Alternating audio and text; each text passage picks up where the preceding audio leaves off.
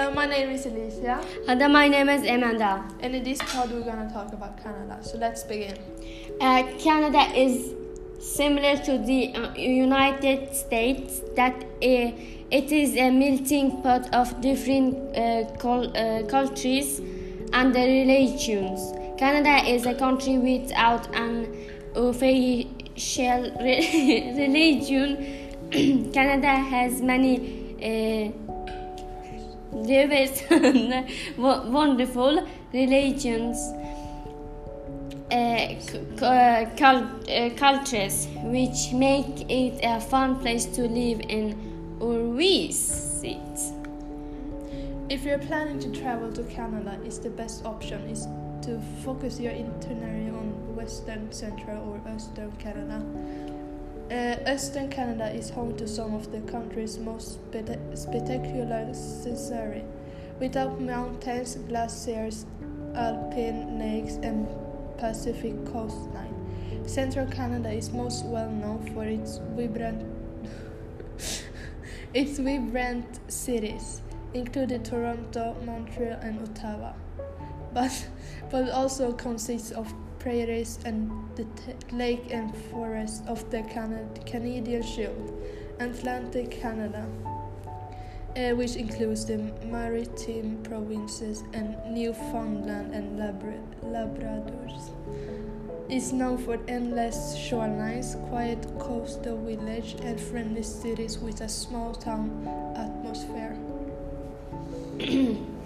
If you are uh, thinking about moving to Canada, you should... Uh, vi, du ska fråga om movie först. Nej, nej, nej, vi, vi klipper sen. Du frågar mig. What should you think about if you're moving to Canada? If you are thinking about moving to Canada, you should you know that they have a two office, uh, official uh, lang, language. Gish. On uh, one official language, language was not enough uh, for the Canadians, uh, so English and the French um, have Equal. status over there. You don't really mm, Notice. no, notice the Frenchness of the country unless you are in the eastern pro- province of Quebec, where people are trying very hard to uh, keep things uh, things as French as possi- po- possible. And and the second thing you should think about, think of when if you, if you think about moving to Canada, there's no place for words like chilly and nippy in Canada. When they say it gets cold, they're really bloody cold. Apart from the country's west coast in, in British Columbia, nowhere else in Canada does the average temperature exceed zero in winter time.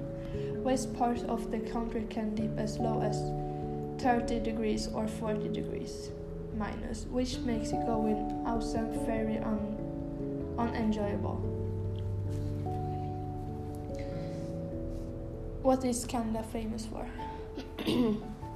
Uh, if there is one pro- product, Canada is most famous for uh, yeah, for pro- producing its maple Syrup. syrup. It is so Canadian uh, maple li- leaf även under Dons.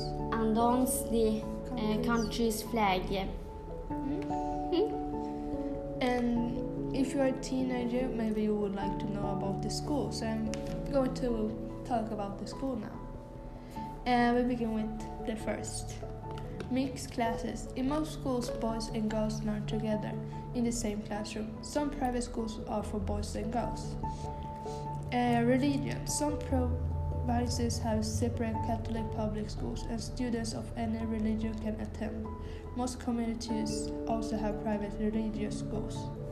textbooks and school supplies. Schools lend textbooks to their students. You will have to buy school supplies like pencil and paper.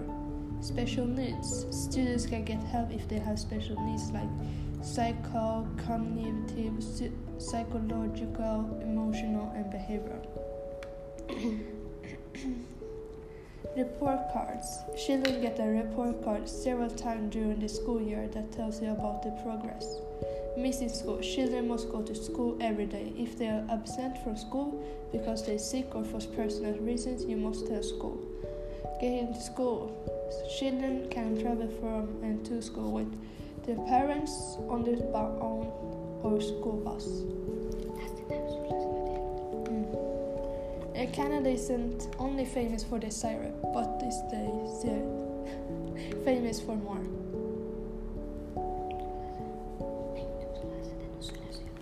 Canada isn't only famous for the delicious maple syrup. Canada is famous for having the best Canadian musicians. For a relatively small country, roughly 36 million, Canada continues to punch above its weight when it comes to musical contribution. The sheer volume of notable acts that were left off this list is impressive enough. From Bonfield Legends, Neil Young and Joni Mitchell to 80s hit machines, Bryan Adams and Corey Hart to Zeros, chart toppers. The Weeknd and Grams. Canada, both, Canada boasts some serious homegrown talent that they are nice enough to share with the rest of the world. so, so if you want to go to Ottawa, if uh, so, if you want to go to Ottawa, so the best uh, months are May June, uh, July, August, and uh, September on average. The hottest months in percent percent and Ottawa are July and August. If you uh, go to Canada, what uh, what you doing? Money. Yes, money. Uh, we in Canada use U.S. dollars. For a long time, the Canadian, Canadian and U.S. dollars cost about as much. In recent years, the U.S. dollars have gone up compared to the Swedish money and the Canadian dollar. Therefore, Canada has become a cheaper destination than the US and is now a perfect opportunity to travel to Canada. Okay, before you fly to Canada, what do you have to do? You you have to think about change your money uh, for dollars, uh, take your passport, and um, tickets. Yes. And if you're a tourist in Canada, you must try a food called poutine. Outland is a Canadian fast food dish consisting of French fries topped with curd and brown sauce. The ride has become a symbol for Quebec and Canada. The cart arose in the last 1950s in the Quebec's countryside, but spread during the 1990s. Mm-hmm. So that was it for us. Thank you for listening, and I hope you think this is interesting. Yeah. 拜。